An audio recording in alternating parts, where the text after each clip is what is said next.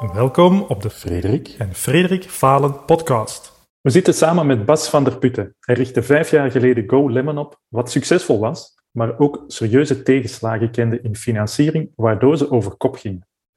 Bas praat over verschillende leerzame lessen. Wat ik het meest interessant vind, is hoe hij zowel emotie als ratio in balans houdt tijdens het zaken doen. Uh, Bas spreekt ook over beperkingen, fysiek, maar natuurlijk ook in tijd en focus. Bijvoorbeeld over hoe je de grenzen tussen werk en privé kan bewaken. En dat nee zeggen niet per se zwart-wit hoeft te zijn. Hallo, dag Bas. Uh, kan jij jezelf even kort voorstellen? Ja, natuurlijk uh, kan ik dat. dankjewel, Frederik en Frederik. Ehm, ik ben Bas van der Putten. Zoals je hoort, kom ik uit het noorden, uit, uh, uit Nederland. Ik ben, uh, ik ben 48 eh, jaar. Ik, ik, uh, ik ben een vader van vier kinderen. En um, ja, ik, ondernemer. En vanuit mijn, mijn, mijn ondernemerschap heb ik een paar mooie avonturen meegemaakt waar ik af en toe wat uh, over mag vertellen en wat ik, uh, wat ik mag delen. En uh, ik denk dat het mooi is om te praten over GoLemon. GoLemon is het bedrijf dat ik op mijn 43ste heb opgericht. Dat is de eerste stap naar ondernemerschap die ik gedaan heb toen ik 43 jaar oud was. En dat bedrijf is na een hele voortvarende start uiteindelijk net voor de coronacrisis, of eigenlijk net ja, bij de start van de coronacrisis, hebben we daar faillissement voor moeten aanvragen. Mhm. Ja, hoop geleerd, hoop meegemaakt, uh, maar daar zullen we ongetwijfeld, uh, uh, zullen we ongetwijfeld op ingaan. Nee, zeker. En um, het is zeker ook interessant om te horen wat voor jou nu de definitie van succes eigenlijk is, voordat we over de andere zijde gaan. Ja, ja, ja, succes. Ja, jullie, ehm, we, hadden het daar, uh, uh, we hadden het daar in ons voorgesprek natuurlijk al over gehad. Hè? Mhm. Wat is je definitie van succes? En met name, wat is, is, is die veranderd hè? Uh, de afgelopen jaren? En ik denk dat in het algemeen geldt dat naarmate je ouder wordt en in de meeste gevallen hopelijk ook wijzer, dat definities van succes en, en waardes in het leven, dat die, dat die over het algemeen wel veranderen ik kan niet van mijn dochter van 16 uh, eh, verwachten dat zij dezelfde waardes heeft als, uh, uh, als haar vader van, van 48. Je leven verandert nogal als je van een middelbare school gaat studeren. Als je van een studie naar een eerste baan gaat, een carrière gaat maken. En je wereld verandert ook weer helemaal als je kinderen mag krijgen. dus, dus wat dat betreft denk ik dat het sowieso wel iets is wat altijd aan verandering onderhevig is. Maar succes is wel voor lange tijd voor mij heel erg gedefinieerd op basis van resultaten.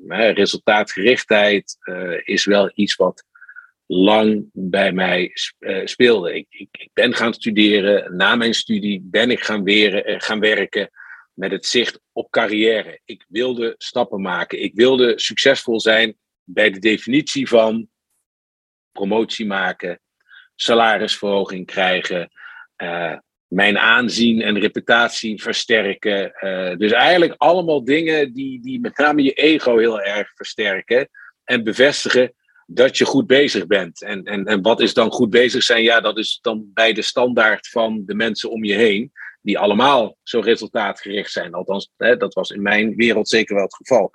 Dus als je me toen had gevraagd van wat is jouw definitie van succes, dan zal ik dat waarschijnlijk opgehangen hebben aan een bepaald functieniveau wat ik ambieerde.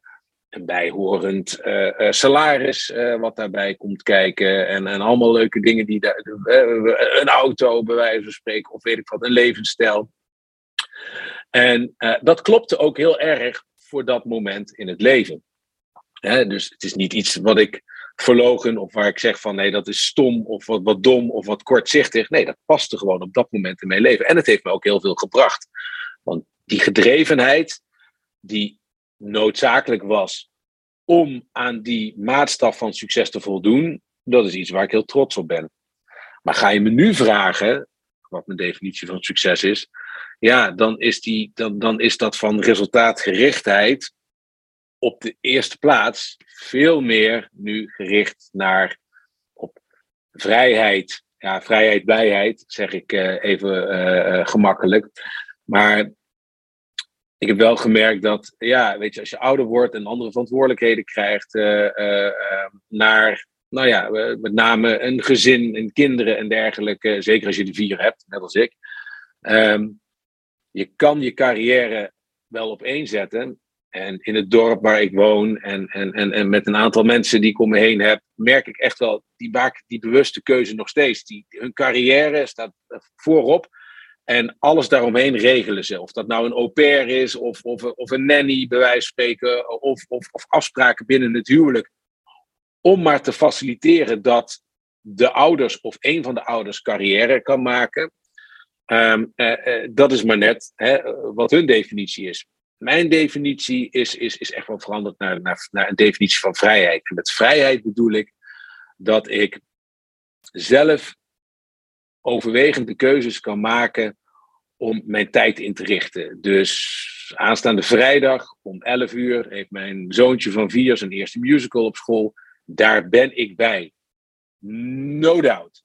En nu zullen de meeste ouders daarbij zijn, want de meeste mensen kunnen in hun carrière eh, echt wel een beslissing maken om, om bij die musical te zijn. Maar ik ben niet alleen bij die musical. Ik zit ook eigenlijk nagenoeg iedere avond met mijn gezin aan tafel om te eten gezamenlijk. Vind ik belangrijk. Dat is ook een keu dat is ook een vrijheid die ik heb. Vanochtend om half negen word ik door uh, uh, een moeder uit de klas gevraagd: hey, kom je nog even een kop koffie mee drinken? Nou, het feit dat ik op dat moment spontaan ja kan zeggen om een kop koffie mee te gaan drinken, is voor mij een heel belangrijk aspect van de vrijheid die ik inmiddels heb. En die vrijheid die is ontstaan vanuit het ondernemerschap, vanuit het feit dat ik zelf mijn keuzes kan maken en dat, ik die, dat die niet voor mij gemaakt worden. Is resultaatgerichtheid en, en, en succes, in, in, of zeg maar succes in termen van carrière en geld daarmee onbelangrijk geworden? Nee. Nee, ik, ik, het heeft alleen een andere plek op de rangorde gekregen. En ik zou nu Nee, toen ik mijn bedrijf startte, GoLemon, toen heb ik heel bewust een stap teruggenomen in, in vergoeding. Want ja, je bent een start-up. Dus ja, je zult het met minder geld moeten doen. Maar daarmee heb ik wel een droom kunnen realiseren. Een droom die me ook vrijheid gaf. Maar wel minder geld. Eh, dus, dus het is gewoon op een andere plek komen te staan. En ja, terugkijkend kan ik zeggen dat wat ik vroeger als succes op één had staan, dat dat eigenlijk altijd volgt. Dus ik heb gekozen voor ondernemerschap. Ik heb ook gekozen voor de vrijheid die daarbij komt kijken. En vrijheid wil niet zeggen dat je achterover kan zitten. Want ik heb harder gewerkt dan in welke baan dan ook in mijn ondernemerschap. Daar is ook helemaal niks mis mee. Maar het succes, of althans mijn definitie van succes, volgt eigenlijk altijd vanzelf als je kan doen en als je zelf eh, kan doen wat je wil doen en de keuze zelf kan maken. En, uh, het is mooi om, om horen, want ik hoor een beetje dat uh, de levenskwaliteit in zijn volledigheid is eigenlijk een, um, is het succes. En niet zozeer alleen maar de mooie wagen, maar ook ja, naar een leuke plek rijden met die wagen en het met het gezin delen. om het even in het voorbeeld ja. te houden dat, dat jij gaat. Ja, en, en, en, en daar moet je ook dingen voor meemaken. Hè? En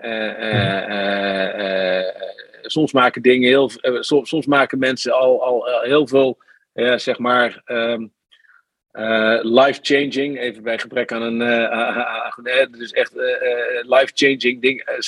dat is onafhankelijk van leeftijd. Maar je merkt wel dat ja, naarmate je wat ouder wordt, dat je vaker life-changing um, zaken tegenkomt. Iedereen maakt dingen in hun, in hun persoonlijke leven of, of dichtbij mee. En ik heb vrienden heel dichtbij uh, uh, verloren aan ziektes, aan kanker. Ik heb vrienden heel dichtbij um, kanker zien overleven. Uh, um, en dat maakt wel dat je toch met een andere blik naar, naar, naar het leven gaat kijken. Want het is allemaal wel fragiel. Het kan zomaar heel snel compleet anders zijn. En wij maken daar bij ons thuis wel eens een grapje over. En, en, mijn vrouw is, is, is best wel conservatief, behouden, hè, houdt van uh, stabiliteit en zekerheid. En ik ben altijd wel een beetje een stuiterbal geweest uh, wat dat betreft. En ik zeg ook altijd van, schat, niemand kan vooruitkijken. Ik zeg, en in ons specifieke geval, we weten nooit hoe ons leven er over een half jaar uitziet. Maar dat weet natuurlijk eigenlijk helemaal niemand. Je kunt best wel een aantal dingen plannen en, en, en regelen. Maar uiteindelijk extreem geluk, maar ook extreem ongeluk overkomt je, kan je zomaar overkomen. En, en, en sommige mensen hebben daar extreem veel pech mee. En dan deal je daarmee. En sommige mensen hebben soms extreem geluk. Ja, je kan ook de loterij winnen. En dan is je leven ook heel anders. Ik weet niet of je daar per se heel gelukkig van wordt. En dan deal je daar ook mee. En uh, het dealen, zal ik maar zeggen. Ja, dat heb ik wel gemerkt. Ja, als je, uh, als je met twee benen op de grond staat. Uh, als je je, nou ja, relatief nuchter opstelt. Eh, en flexibel. Dan kun je eigenlijk wel heel veel aan. Ook een faillissement. Ook een scheiding. ik ben ook gescheiden van mijn eerste vrouw. Um, je kan, ja, ja, ik kan zoveel dingen opnoemen, maar terugkijkend kan ik wel eigenlijk zeggen, hoe groot de uitdaging ook is, en ik ben nog nooit levensbedreigend ziek, levensbedreigend ziek geworden. Hè? Ik, ik, ik, daar kan ik niet over meepraten. En toch durf ik te zeggen dat je ook dat een plekje kan geven. En dat kan ik zeggen omdat ik een hele goede vriend van mij naast mij leukemie heb zien krijgen. Die verder alles alles lachte hem toe. Hij had zijn bedrijf verkocht, was financieel onafhankelijk en op dat moment krijgt hij leukemie. En ja, ook hij heeft dat een plekje kunnen geven. Ook hij heeft die strijd uh, uh, kunnen strijden uh, en is daar ja, bovenop gekomen. Maar een vriendin van mij heeft de strijd gestreden en heeft hem verloren. Is uiteindelijk eraan overle overleden, maar is wel overleden, is, is, is, is, is, is gestorven met de wetenschap. Ja, mijn leven tot nu toe was mooi, was zinvol. En ja, het is jammer, ik was, liever, ik, ik was er liever langer bij gebleven. Maar het is goed zo. En dat, ja, dat is wel, denk ik, een ultieme definitie van succes. Hè? Als je die vrijheid hebt, als je die rust hebt, ja, ja, dan ben je wel in mijn ogen echt heel erg succesvol. Dus dat streef ik graag naar. Elke dag uh, uh, kunnen zeggen: Het is goed zo. Weet je, het is een, het is een, het is een mooie dag geweest. Of, en als het een slechte dag is, is het ook goed, want morgen is er weer een nieuwe dag. En heb ik er weer alle kans om er iets moois van te maken. Dat geeft heel veel rust. Als ik het hoor, ja, we gingen eigenlijk vragen wat wil je absoluut bereiken. Maar eigenlijk heb je het al gezegd, een beetje, een beetje de balans van, van kunnen, gewoon zeggen van vandaag was goed, of de laatste week was goed, of de laatste maand was goed. Van het, het was gewoon, het was voldoende en het was oké. en ik ben er tevreden mee. Dat is eigenlijk een beetje, als ik het tussen lijntjes doorlees, jouw definitie van succes ook wel. Ja, tevredenheid hè, is, een mooi, is, is een mooi woord. Hè? Tevredenheid.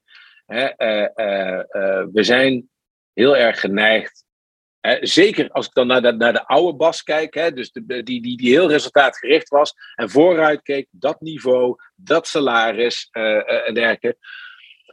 dat is heel erg kijkend naar wat je niet hebt of wat je nog niet hebt. Hè. En er is niks mis met ambitie, hè, want ambitie is een, een, een fantastische brandstof om, om, om, om te blijven gaan. ik ben ook heel blij dat, dat, dat ben ik ook niet kwijt.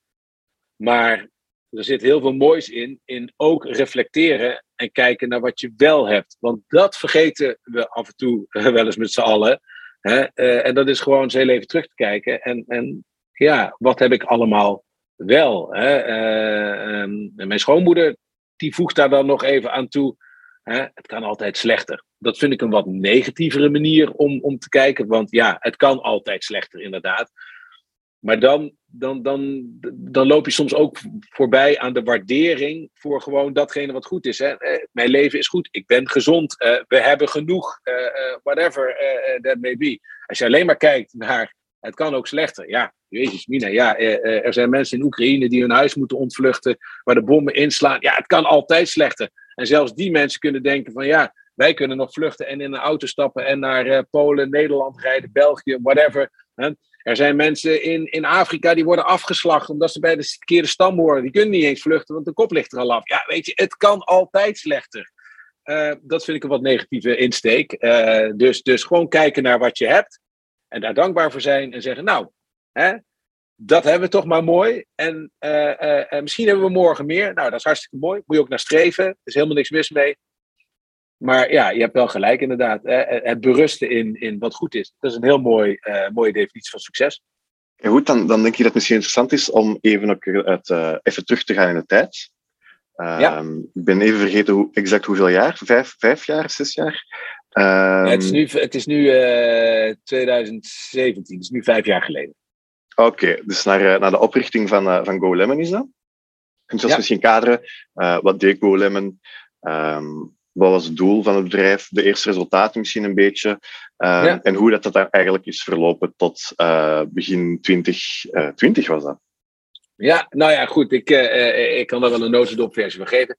Um, ik, ik, ik was gewoon, zoals ik dat zelf noem, corporate konijn. Hè? Dus, dus, dus ook een beetje vanuit die resultaatgerichtheid, carrièregericht. Hè? Ik, was, ik, ik, ik was iemand die, die gewoon carrière maakte in het bedrijfsleven.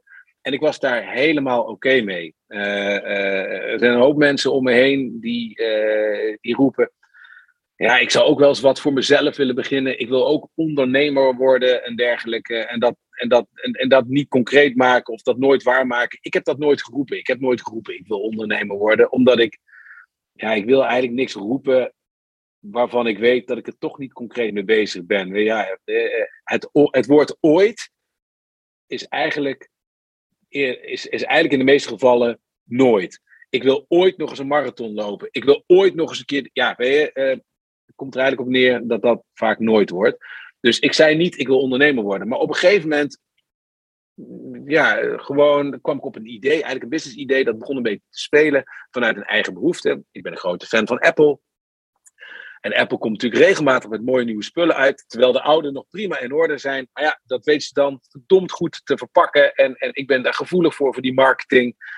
Uh, dat je denkt, ja, ik wil gewoon de nieuwste weer hebben. De nieuwste iPhone, een nieuwste MacBook, een nieuw, ja, weet of een nieuwe gadget waarmee ze dan eruit komen.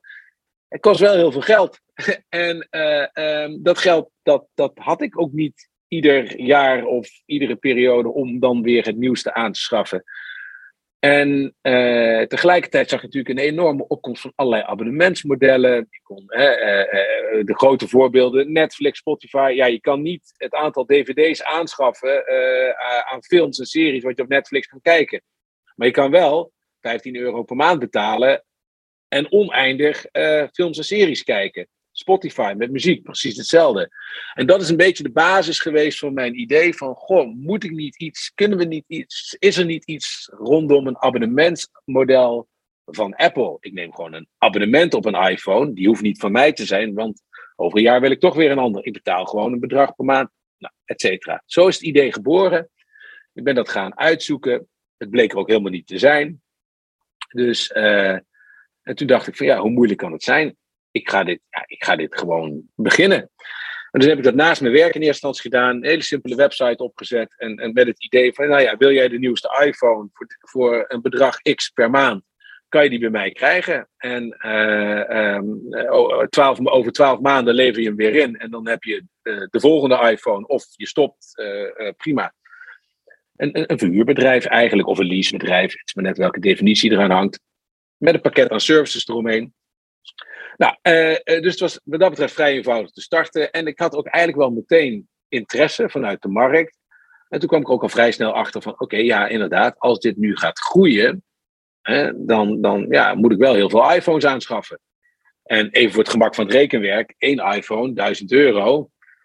Ja, als je vijf mensen hebt die zich aanmelden, dan heb je dus 5000 euro nodig om iPhones te kopen, die je vervolgens gaat verhuren. En over tijd, ja, verdien je die 1000 euro wel terug in je abonnementsgelden uh, uh, en eventueel de verkoop van de iPhone die terugkomt. Maar ja, dat is wel, daar gaat wel een hoop tijd overheen. maar dat is het verdienmodel. Dus je bent heel veel aan het voorfinancieren. Ja, oké. Nou, dan ben ik begonnen met kleine leningen bij vrienden en familie. 5000 euro hier, 5000 euro daar. En zo kon ik iedere keer een beetje groeien.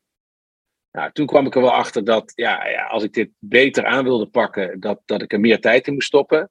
Heb ik mijn baan opgezegd. Eigenlijk ja, een beetje handige constructie dat ik even een paar maanden tijd kocht om dit verder uit te bouwen en investeerders te vinden.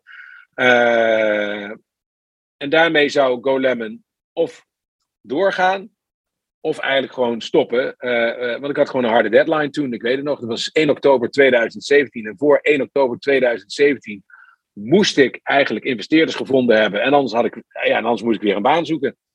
En uh, met die focus ben ik aan de slag gegaan. Heb ik een businessplan geschreven. het cijferwerk allemaal netjes in orde gemaakt. En heb ik dus inderdaad een investeerder gevonden die zei: Nou, ik geloof hier wel in. Ik, ik, ik, ik ben bereid nou ja, de eerste 100.000 euro in GoLem te investeren. Wat natuurlijk een enorm bedrag was op dat moment. En ik dacht van wow, er is gewoon iemand bereid 100.000 euro in mij en GoLem te investeren. Hm. Maar 100.000 euro, als je eventjes nog steeds rekent met die 1000 euro van uh, uh, één iPhone, ja, dat is 100 klanten. En ja, die kun je wel halen op een markt, wist ik toen uiteindelijk, uh, waarin ik geloof 1,8 miljoen iPhones per jaar worden verkocht.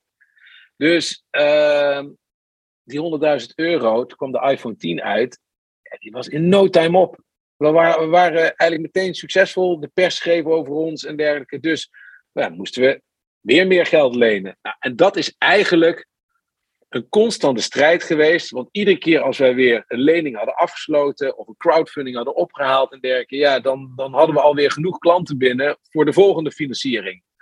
En nou ja, je kon aan investeerders altijd wel uitleggen, ja, we hebben nog meer geld nodig, want het is allemaal op basis van succes. Er zijn steeds meer klanten die zich aanmelden. Dit model klopt, het verdienmodel klopt, de marges kloppen en dergelijke. Maar het was wel iedere keer een strijd. En uh, de klanten kwamen sneller dan de financiering uh, uh, binnengehaald kon worden. Dus we moesten ook eigenlijk best wel vaak nee verkopen. Dus uiteindelijk hadden we ook wel door dat die kleine stukjes financiering, dat, dat, ja, dat we dat beter heel groots konden aanpakken. En, en, en toen waren we al ruim drie jaar verder met GoLemon. Hè? Dus we waren iedere keer in stukjes gegroeid. Hè? Financiering groei, financiering groei, financiering groei, financiering groei. Hè? Personeel erbij. Nou goed, het, het, het, we bouwden langzaam aan de organisatie. En toen dachten we van ja, we moeten, gewoon met, met, we moeten nu gewoon op zoek gaan naar een hele grote investeerder. En dat hebben we gedaan. En we waren succesvol. En in februari 2020, zeg ik dat goed? Ja, februari 2020 kregen wij de, toestemming, eh, eh, de toezegging van een, een Amsterdams fonds dat we 1,6 miljoen gefinancierd zouden krijgen. En 1,6 miljoen was op dat moment genoeg om, onze hele, om ons hele jaar te financieren qua verwachte groei. Dus uh, dat was gigantisch, want met die financiering zouden we ook naar winstgevendheid gaan. Dus we waren al die tijd verlieslatend en met die 1,6 miljoen zouden we door ons break-even punt heen beuken. Dus dit was een hele belangrijke en hele mooie financiering. En ja, nou ja, goed. Uh, het was uh, februari en toen begonnen de formaliteiten. Die hadden we begin maart hadden we die eigenlijk wel rond en stond alles op papier. En het enige wat er nog diende te gebeuren was, het, was dat het naar mij toegestuurd zou worden, zodat ik een handtekening eronder kon zetten. Maar in maart 2020 kreeg ik uiteindelijk niet een contract opgestuurd, maar ik kreeg wel een boodschap van onze minister-president dat we maar beter even geen handjes konden schudden, dat we beter even wat afstand konden gaan bewaren en dat het ook even wat beter was als we alles op slot zouden gooien. Want corona kwam, net zo goed in Nederland als in België natuurlijk. En ja, met die maatregelen kwam ook de twijfel bij de investeringsmaatschappij. En die stelde eerst een paar weken uit, vervolgens nog een paar maanden. En uiteindelijk in de zomer van 2020 zeiden ze tegen ons: we gaan het niet meer doen. En die financiering was zo belangrijk, want we waren natuurlijk verlieslatend. En we hadden die financiering nodig. A, om weer ja te kunnen verkopen. Om onze nieuwe klanten te kunnen zeggen: ja, wel, je bent welkom, we kunnen leveren. Dat konden we op dat moment niet. En we moesten natuurlijk uit onze verliessituatie. Maar we konden alleen maar uit de verliessituatie als we konden groeien, als we financiering hadden. Dus het was ja, een beetje kip-ei verhaal. Ja, en toen heb ik nog een half jaar lang mijn stinkende best gedaan. En tegen iedereen het verhaal verteld van GoLemon. En hoe het werkte. En dat we financiering nodig hadden. En dat, we dan, dat alles goed zou kunnen komen. Maar ja, het was natuurlijk een tijdperk waarin de wereld op zijn kop stond. En niet iedereen heel investeringsbereid was. Hoe leuk het idee ook was en hoe goed ik het ook bracht. En toen ja, hebben we een deadline gesteld van 1 december. Want we wisten gewoon, als we op 1 december dit niet rond hebben, ja, dan moet gewoon de stekker eruit. En op 1 december hadden we het niet rond. En toen hebben we moeten besluiten om faillissement aan te vragen. En toen kreeg ik uiteindelijk de twijfelachtige eer om het eerste bedrijf in Nederland te zijn in 2021 wat failliet verklaard werd door de rechtbank. Dus ja, daarmee ben ik 2021 uh, begonnen. En uh, dat was natuurlijk heel pittig.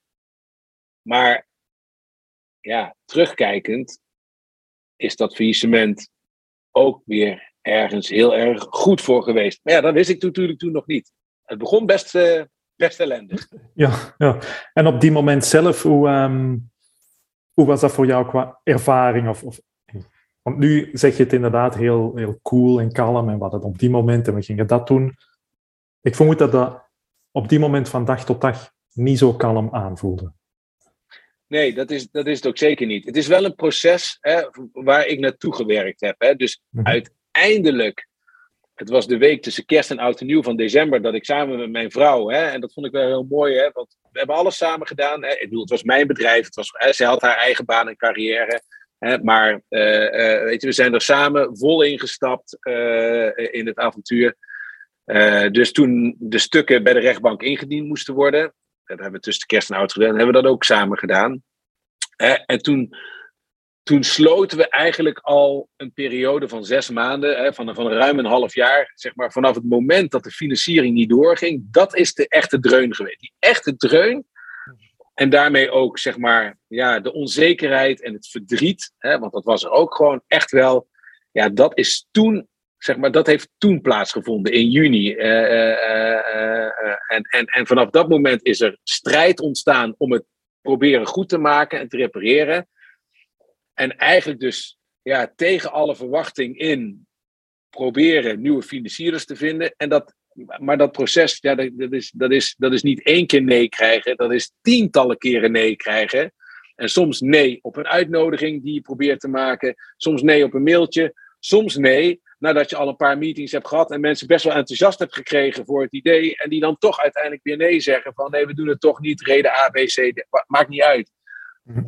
Dus ik heb toen zoveel nee's gehad. Ja, en elke, elke nee geeft je toch weer een beetje dikkere huid. Uh, dat uiteindelijk toen het faillissement daar was en aangevraagd werd en uitgesproken, dat, dat het grootste leed wel geleden was het enige wat er toen nog resteerde was de onzekerheid van ja, ik heb dit nog nooit meegemaakt. Ik weet niet wat er gaat gebeuren. Uh, wat gaan mijn beperkingen zijn? Uh, wat, uh, ja, je wil weer in kansen denken natuurlijk van oké, dit is voorbij, hè, het leven gaat verder. Maar je weet, je weet dat nog helemaal niet. Je krijgt met een curator te maken, ja, die eigenlijk eigenaar van het failliete bedrijf wordt. Maar daar moet je ook verantwoording aan afleggen. Wat houdt dat in? Dat weet je allemaal niet. Ja, achteraf uh, moet ik zeggen dat het me heel erg meegevallen is. Uh, maar ja, ik ken ook verhalen van mensen waarbij dat helemaal niet meegevallen is. Hè? Dus, dus, dus ook een beetje de persoonlijke ervaring. het echte leed heeft eigenlijk tussen de zomer van 2020 en december 2020 plaatsgevonden. En dat was elke dag een beetje meer afscheid nemen. Elke dag een dikkere olifant uit creëren met al die nee's die ik kreeg. Mm Ik vind het nog interessant om te, te horen wanneer dat je voor jezelf of als bedrijf bepaalt van oké, we hebben alles geprobeerd en ik laat het los. Of ja, we gaan toch nog dit aanpassen. Of we gaan ja, pivoten. We gaan...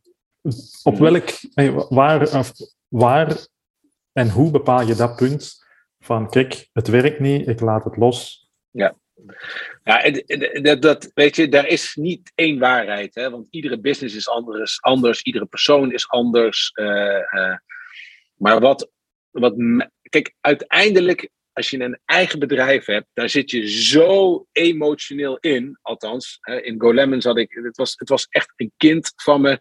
Uh, uh, ik was het, het gezicht van het bedrijf en dergelijke. En dat was ook heel bewust en dergelijke. We, we waren, waren ons altijd heel bewust van de PR en, en, en de media die we, die we op konden zoeken en, en, en vaak ook kregen.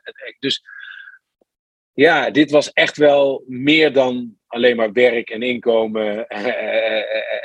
Het was zo'n onderdeel van mijn leven dat, um, ja, wanneer neem je daar afscheid van?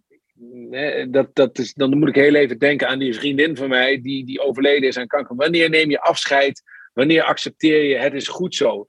Je komt op een gegeven moment op zo'n punt, weet ik van haar, hè, want je komt op een punt dat je kan zeggen: het is goed zo, ik neem afscheid, hè, weet je, ik wil niet meer. Um, en in een bedrijf kun je dat wat, wat, wat, wat meer kwantificeren. In ons geval zeker. Ehm, we, we hebben gewoon een deadline gesteld. We hebben gewoon een deadline gesteld met de aandeelhouders. Omdat je weet dat als je verlieslatend bent, moet je eigenlijk ja, op momenten zelf weer geld in het bedrijf stoppen. En dat doe je zolang er vertrouwen is. En wanneer is er dan geen vertrouwen meer? Of wanneer is je eigen pot gewoon op van hè, ik wil niet meer, ik kan niet meer. Nou, we hebben dat, we hebben dat gewoon heel, ja, heel meetbaar gemaakt. En een tijd kunnen uittekenen. En dat is toen 1 december geworden. Uh, uh, en daar werk je dan naartoe. Dus tot en met 1 december ben je er alles aan het doen en voer je alle gesprekken. En we hebben toen ook gezegd, op 1 december willen we, wat, wat moet er dan zijn? Hè? En als dat er niet is, hè, wat doen we dan? Dus we wisten ook gewoon op 1 december, dan moeten we een getekende intentieverklaring met een investeerder hebben dat we uh, uh, verder kunnen. En als we die niet hebben, dan vragen we faillissement aan. Dus het was ook heel zwart-wit. Dus het is niet, dan gaan we nog scenario A, B, C. Want alle andere scenario's, die moesten dan voor 1 december uitgetekend worden. En dat er misschien, hè, wat, hoe meer mensen je spreekt, hoe meer ideeën je krijgt, hè, eh, of invalshoeken. Er zijn altijd wel mensen die jou ja, iets voor kunnen spiegelen en zeggen: Heb je hier aan gedacht? Heb je daar aan gedacht? Ja, weet je, er zullen altijd mogelijkheden zijn waar je niet aan gedacht hebt.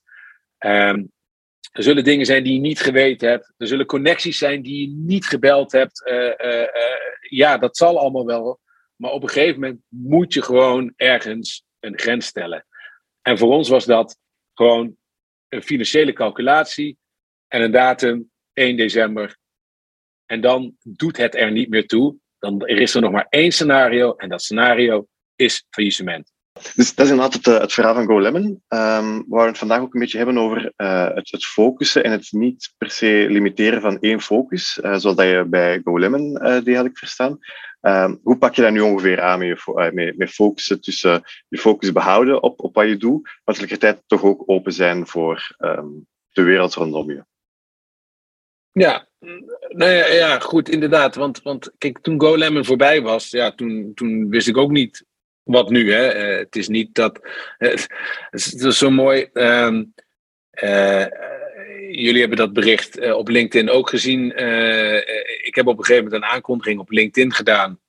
Dat GoLemmer voorbij was. Hè. Nogmaals, we waren ons heel bewust van onze positie. We waren een, een geliefde start-up die, die, die regelmatig wel in de pers was en dergelijke.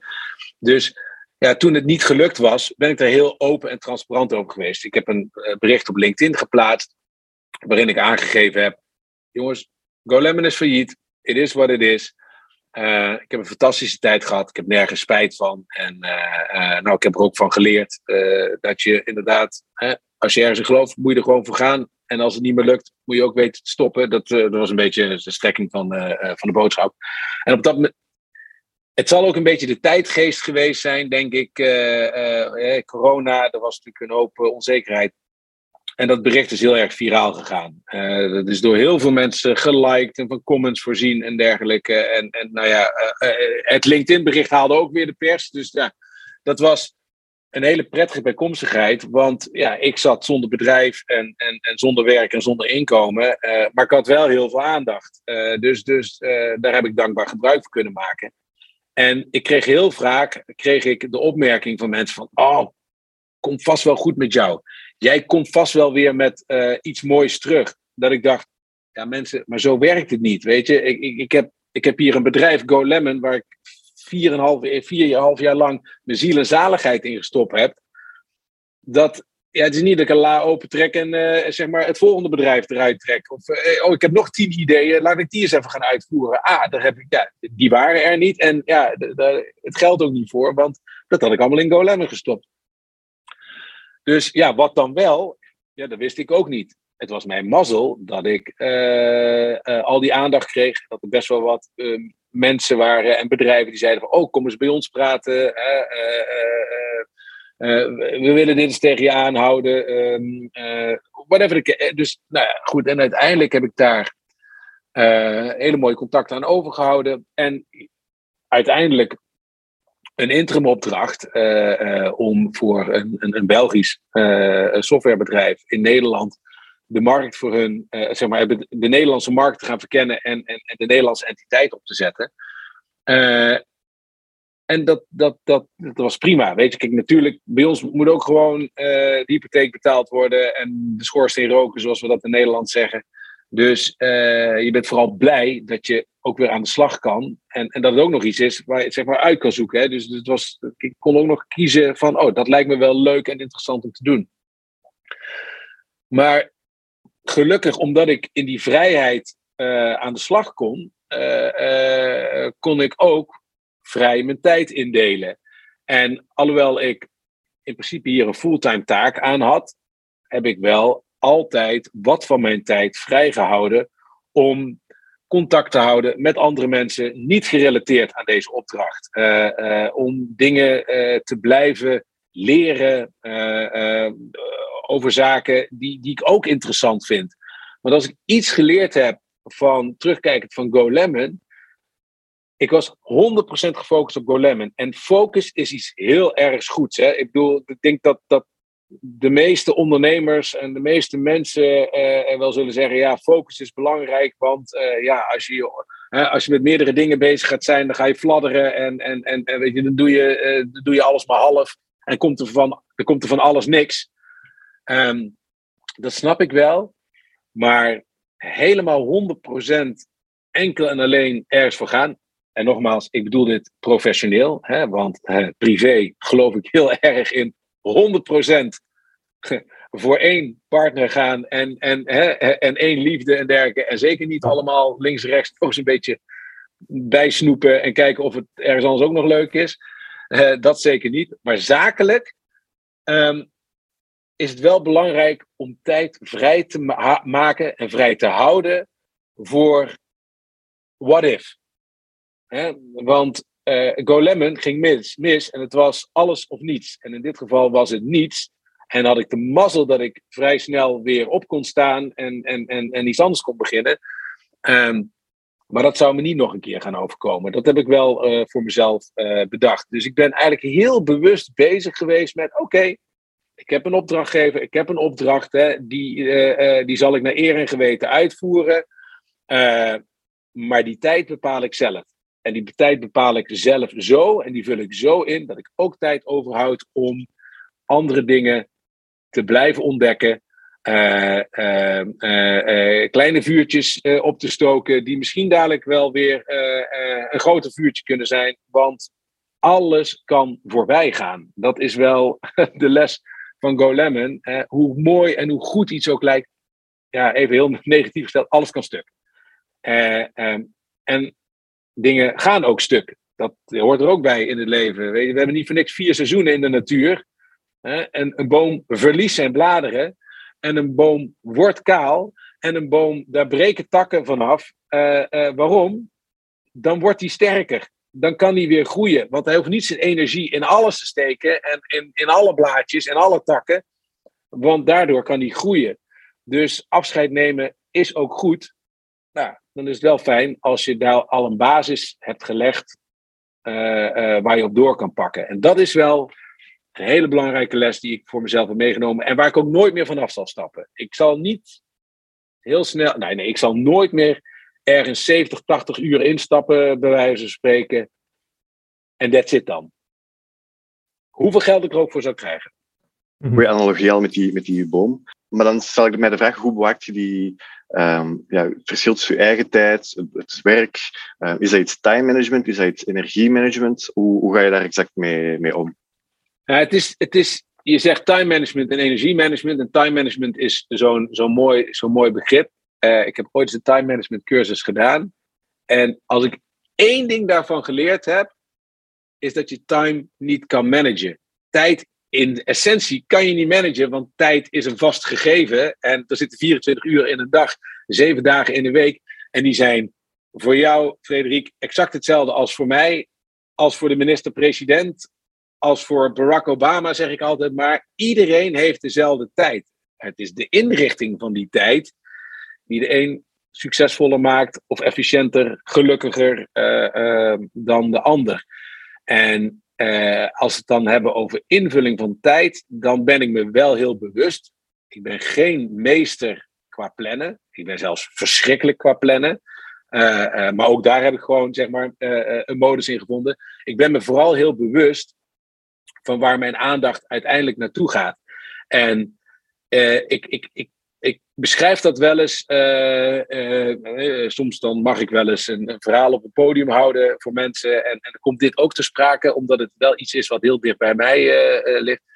Is waar besteed jij je tijd aan? En ik denk, hè, dat, dat is voor iedereen anders. Hè? En, en je kunt een sessie houden, sessie houden waarbij we allemaal op post-itjes, post van, die, van die kleefpapiertjes gaan schrijven wat we belangrijk vinden.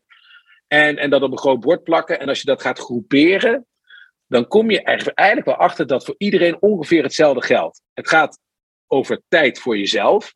Hè? Gewoon ik, mijzelf, mijn ontplooiing, de, mijn, de dingen die ik persoonlijk leuk vind en dergelijke. Dat gaat over mij. Het gaat over mij in relatie tot mijn vrienden, hè? de mensen die ik lief heb in, eh, eh qua vriendschappen. Hè? Eh, dat kan. Sommige mensen hebben drie vrienden, sommige mensen hebben dertig vrienden, sommige mensen hebben 3000 vrienden op Instagram. uh, uh, maar dat, dat maakt even niet uit. Het gaat over jezelf in relatie tot vrienden. En dan heb je nog jezelf in relatie tot partner, familie, liefde. Hè, um, en je hebt jezelf in relatie tot carrière en werk. Je hebt een relatie tot een bedrijf, tot een werkgever en dergelijke. Nou, dat zijn er al vier. En sommigen zullen zeggen, als ze heel slim zijn, en daar behoor ik ook toe, het zijn er vijf. Hè? Tijd voor jezelf, tijd voor je vrienden, tijd voor je gezin, tijd voor je carrière en tijd voor je relatie. Want tijd voor je gezin, voor iedereen met jonge kinderen die weet, dan is de tijd voor je relatie, die is ook ineens een soort van verdwenen. Dus het zijn vijf punten. En als je die nou in vijf punten, zeg maar, nou in een cirkel zou zetten, bij wijze van spreken, en je zou er allemaal lijnen tussen trekken, dan is de oppervlakte van dat oppervlak, en het kunnen er ook vier zijn, hè, het, zou er ook drie kunnen zijn, bij wijze van spreken, maakt even niet uit. De oppervlakte is 24 uur. Of zeven dagen. Of 365 dagen. Het maakt niet uit. De oppervlakte is de beschikbare tijd die je hebt in die tijdseenheid. En die is voor ons allemaal hetzelfde. En het is maar net welk puntje de meeste aandacht krijgt. En als jij vindt dat jouw relatie meer aandacht moet krijgen, ja, en ik visualiseer het nu terwijl wij hier in een videocall zitten, maar je trekt aan dat puntje, want die krijgt meer aandacht. Ja, als je die oppervlakte verandert niet, dan komen andere puntjes dichter bij elkaar. Dus daar heb je dan minder tijd voor. En je daar heel bewust van zijn, dat heeft mij wel heel erg geholpen. Dus het is niet zozeer het managen van de time, uh, het is het, van de tijd, het is het managen van je prioriteiten. Ik weet dat als ik heel veel tijd aan mezelf wil besteden. En ik weet dat als ik vind dat ik ergens een, een, voetreis in Nepal moet gaan maken. om daar 14 dagen te gaan mediteren. en met monniken te knuffelen, bij wijze van spreken. en op een klankschaal te slaan. Dat kan, er is niks mis mee. Maar die twee weken dat ik dat doe. ben ik niet met mijn carrière bezig. ben ik niet met mijn gezin bezig. ben ik niet met mijn geliefde bezig. en ben ik ook niet met mijn vriendinnen bezig. Want dan zit ik dus op die voetreis in Nepal. En dat ja, er leven een heleboel mensen die bij wijze van spreken dan denken van, oh, en ik moet ook nog, en ik moet ook nog, en ik moet ook nog, en ik moet. Jongens, de oppervlakte verandert niet. Er is maar zoveel tijd. Dat geeft een partij rust. Dat is echt iets, nou, dat is voor mij een soort van, ja, persoonlijke eye-opener geweest. Dat ik heel veel rust kan hebben in het feit van, oké, eh, blijkbaar is dit tijd voor mijn gezin. En daar kies ik heel bewust voor. En die tijd die ik met mijn gezin besteed, is dus niet voor mezelf, is dus ook niet voor mijn carrière. Is nee, want dit is tijd voor mijn gezin. En als ik daar de andere tijd tegenover wil stellen, dan moet ik die ja, plannen. En dat kan ik dus niet zo goed. Hè, maar ik ben me wel er bewust van dat het verschillende potjes zijn. Dus terug naar jouw vraag: is het, eh, eh, eh, is het time management of energiemanagement? of allebei? Dat is het aspect van time management. En energiemanagement, ja, dat gaat heel erg sterk over hoe zit ik in de wedstrijd. En dat heb ik ook geleerd. Hoe zit ik in de wedstrijd is alles bepalend voor uh, uh, zeg maar hoe dingen verlopen. En dat kan ik met een heel simpel voorbeeld uh, kan ik dat hier stellen.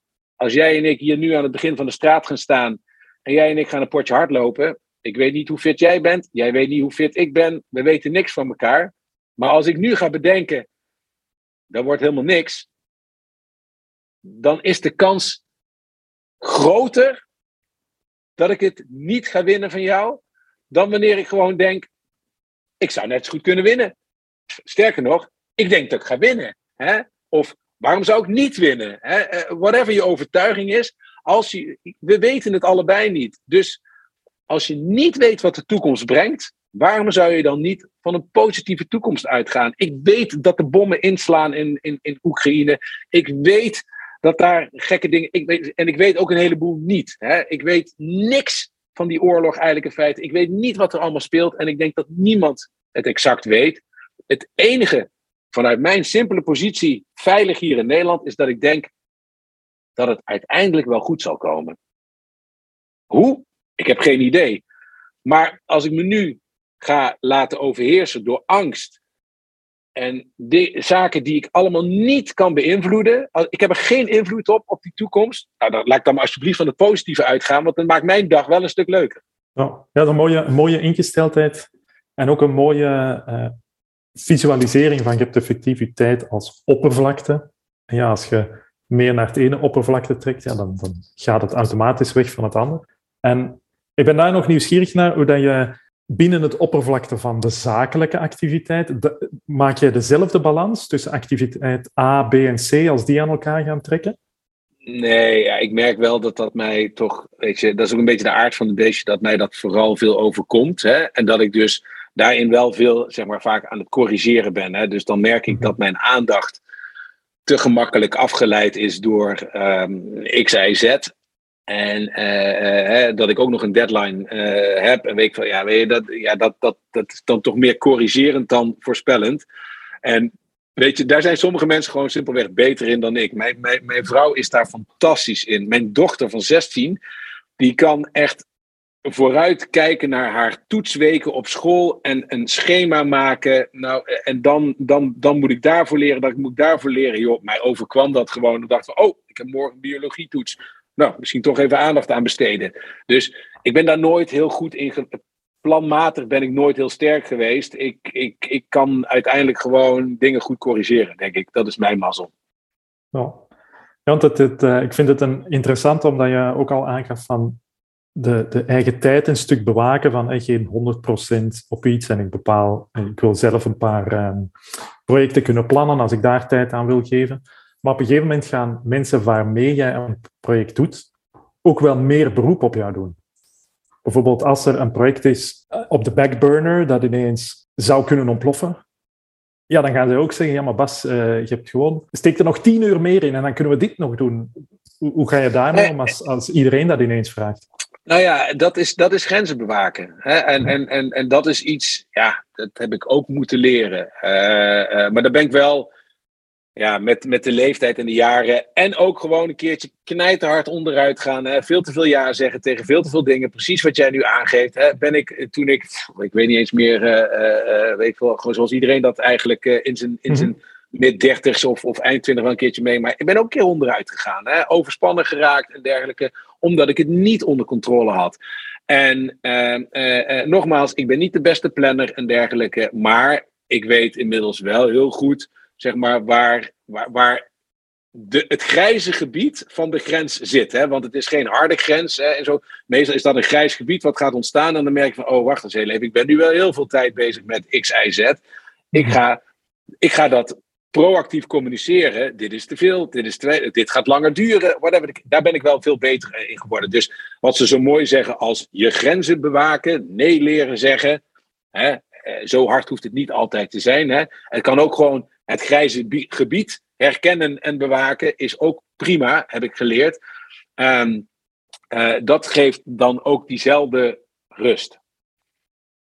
En dat is eigenlijk het feite, eh, dat is eigenlijk het feite wat ik doe. Dus, dus wat jij net schetst van ja, als we er nog tien uur in steken, ja, dan, zal, dan zou mijn antwoord zijn: ja, dat klopt, maar die tien uur die heb ik niet morgen en die heb ik ook niet morgen en overmorgen. Dus als jij tien uur van mij wil, en ik kijk nu even een beetje vooruit voor zover ik dat kan, dan moeten we rekening houden met het feit, jij vraagt iets extra's van mij en dat kan ik je leveren in x tijd.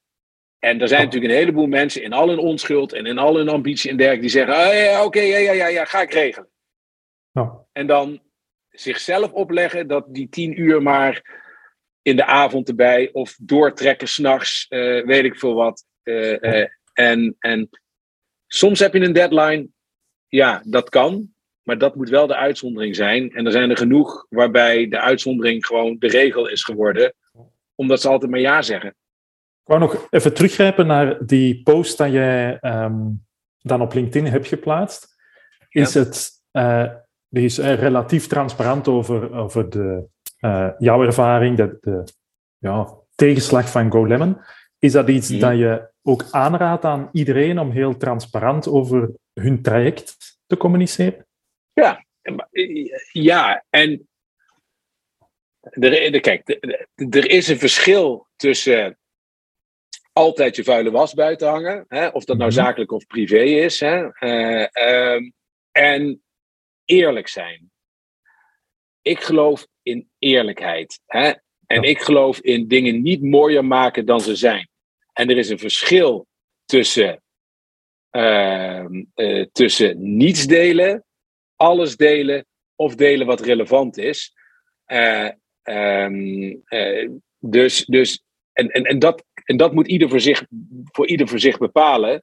Hè? Ik, tegen mijn kinderen zeg ik altijd: je moet nooit liegen. Hè? Dus, dus we hangen bij ons thuis lekker iedere discussie altijd op, en ze worden er helemaal gek van bij ons thuis, aan twee pilaren respect en vertrouwen. Want dat is lekker makkelijk, want dan kun je alles aan ophangen. Hè? Als je niet eerlijk bent, hè? Eh, je zegt dat je bij vriendinnetje A bent en ondertussen zit je in de kroeg bij wijze van spreken. Dat heeft te maken met vertrouwen. Hè? Want ik wil je kunnen vertrouwen dat je de waarheid vertelt, dat ik, uh, et um, het feit dat je dingen doet die niet mogen, of het feit dat je af en toe een grote mond uh, opzet, heeft te maken met respect. Uh, en, en daar kan je uiteindelijk alles aan ophangen. Um, altijd eerlijk zijn. En ik heb nooit ergens over gelogen. Niet naar investeerders en dergelijke. Um, of ik altijd exact het volledige verhaal heb verteld zoals het op dat moment was. Nee, soms zijn er ook dingen op een need-to-know basis, omdat je geen onnodige onrust wil creëren of dat het een bepaald doel uh, uh, dient. Hè. Dus, dus uh, er is een verschil tussen, zeg maar, kiezen wat je wel vertelt mm en liegen. Ik zal nooit liegen. Ik kies wel soms wat ik wel vertel en wat ik niet vertel. En in het licht van de post van het faillissement van GoLemon, ja, daar was ik heel duidelijk. GoLemon was failliet. Dus het is, weet je, wat moet ik daar anders over vertellen dan dat het feitelijk zo is? Weet je, het is failliet. Het is voorbij. Het is klaar. Er is niks meer aan te doen. Oh. Nou, daar kom ik ook voor uit. Oh. Ja, wat ik uh, heel mooi vind en ook een stukje de, de, bedoeling, of de bedoeling van de podcast is. Want er zijn ook mensen die dan stilletjes dat zouden toedekken en over het volgende succes zouden praten. Dus het, ja. uh, je gaat daaraan voorbij van, het is toch normaal? Ja, maar ja, toch niet voor iedereen. Dus ja, ik vind het toch een, um, mooi onderwerp. Dus, dus, dus ben ik met je eens. Hè? En, en, en, en veel vingerwijzen. Hè? Uh, uh, ja, als dit, dan dat. Els zei dit. Weet je, kijk, uiteindelijk. Hè? En dit is ook nog even zeg maar, een stukje terugkijkend op van, ja, hè, zeg maar die harde deadline die wij gesteld hadden. Hè? Van hoe, ja, hoe, hoe, kies je, wanneer, wanneer, is, het, wanneer is het klaar? Hè? Hoe, hoe besluit je dat? En, en iets minder hard dan een deadline of een calculatie die je maakt, is dat je altijd, vind ik persoonlijk, hè, je moet jezelf in de spiegel aan kunnen kijken. En je moet jezelf, je, moet, je moet van jezelf weten, heb ik er alles aan gedaan binnen mijn macht om het best mogelijke resultaat te behalen. En daar zitten namelijk twee variabelen in. Heb ik er alles aan gedaan? Wat is alles? Hè? Dat kan jij alleen maar zelf bepalen. Hè? Jij kijkt in de spiegel en je kijkt jezelf aan en je weet gewoon, ik heb, ik heb veel gedaan, ik heb er alles aan gedaan het is goed zo voor mij. Hè. Ik vind dat ik genoeg gedaan heb. Hè. Dat is één voor jezelf. Hè, dat is variabele 1. Hè. En twee is het best mogelijke resultaat. Ja, wat is het best mogelijke resultaat? Daar kan mijn definitie anders van zijn dan die van jou. Maar omdat je ook verder moet met je leven, omdat je ook gewoon rust in je donder wil hebben, zeg ik altijd: hè, eh, kan je jezelf in de spiegel aankijken en weet je dan, ik heb er alles aan gedaan voor het best mogelijke resultaat. Als dat zo is, ja, dan is het voor jou persoonlijk blijkbaar dus goed genoeg. En vroeger toen ik sales manager was, in een bedrijf waar alles om cijfers draaide en alles om targets draaide, was dat zeg maar mijn menselijke kant tussen alle Excelletjes. Hè, als, een, als een verkoper zijn target niet haalde, ja, weet je, ik kan wel op zijn huid gaan zitten, ik kan boven op zijn kop gaan zitten.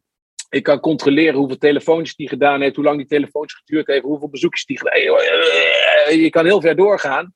Maar uiteindelijk keek ik die jongen of die dame gewoon recht in de ogen aan. En dan zei ik precies, vroeg precies hetzelfde. Heb je er alles aan gedaan? Ja? Voor het best mogelijke resultaat. Is dit het?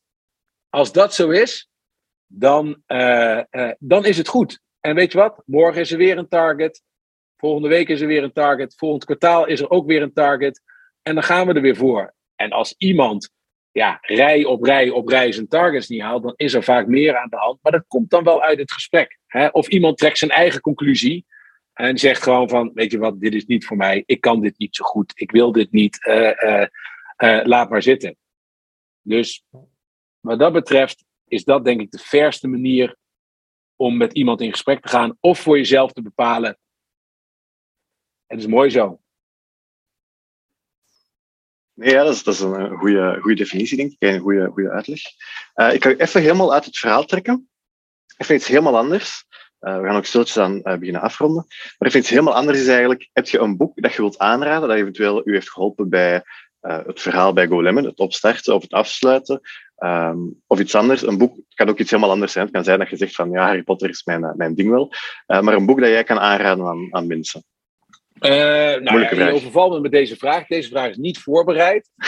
um, Sorry. Maar er zijn, wel, daar, er zijn wel een aantal namen die bij mij opkomen, die allemaal boeken hebben geschreven. Hè, en, en ook meerdere boeken hebben geschreven.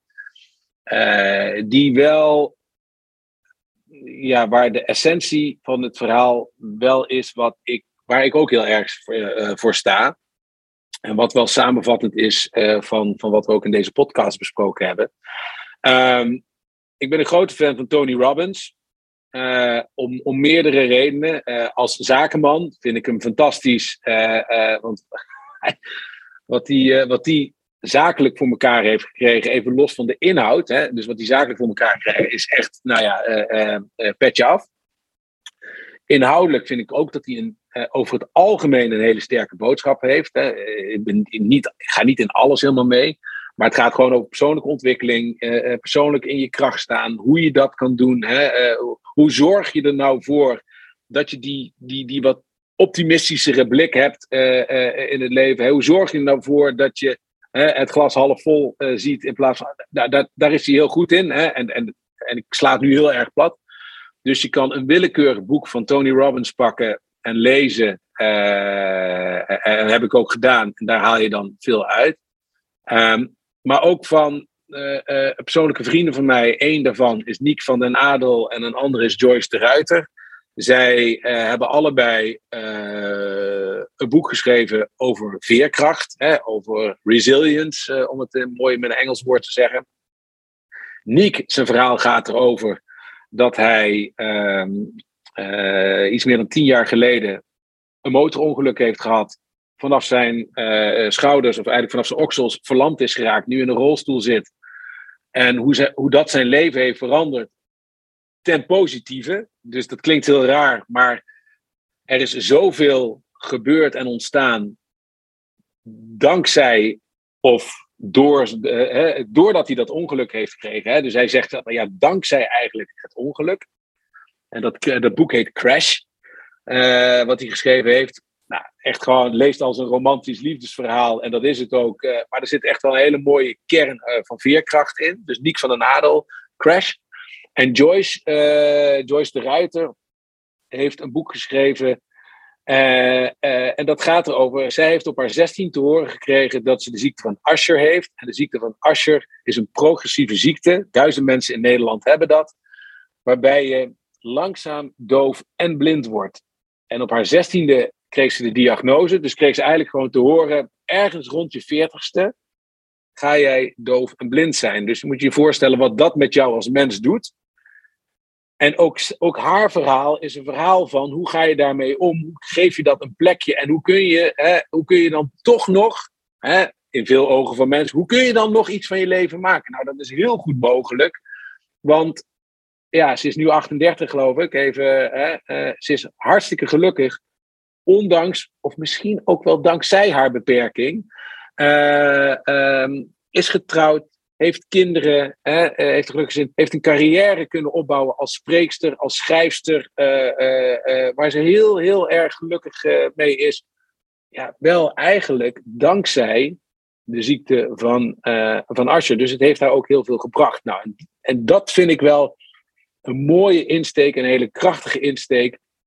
Waar natuurlijk voor sommige mensen. En we zijn niet aan het vergelijken. Hè? Dit, is geen, uh, dit is geen wedstrijd van wie heeft de meeste ellende in zijn leven. Want zo zou ik het absoluut niet willen plaatsen. En ik zou met niemand van, de, van hun twee willen ruilen. maar ja, ik heb een faillissement meegemaakt. en ben daar sterker uitgekomen. Zij zijn voor het leven getekend op hun eigen manier.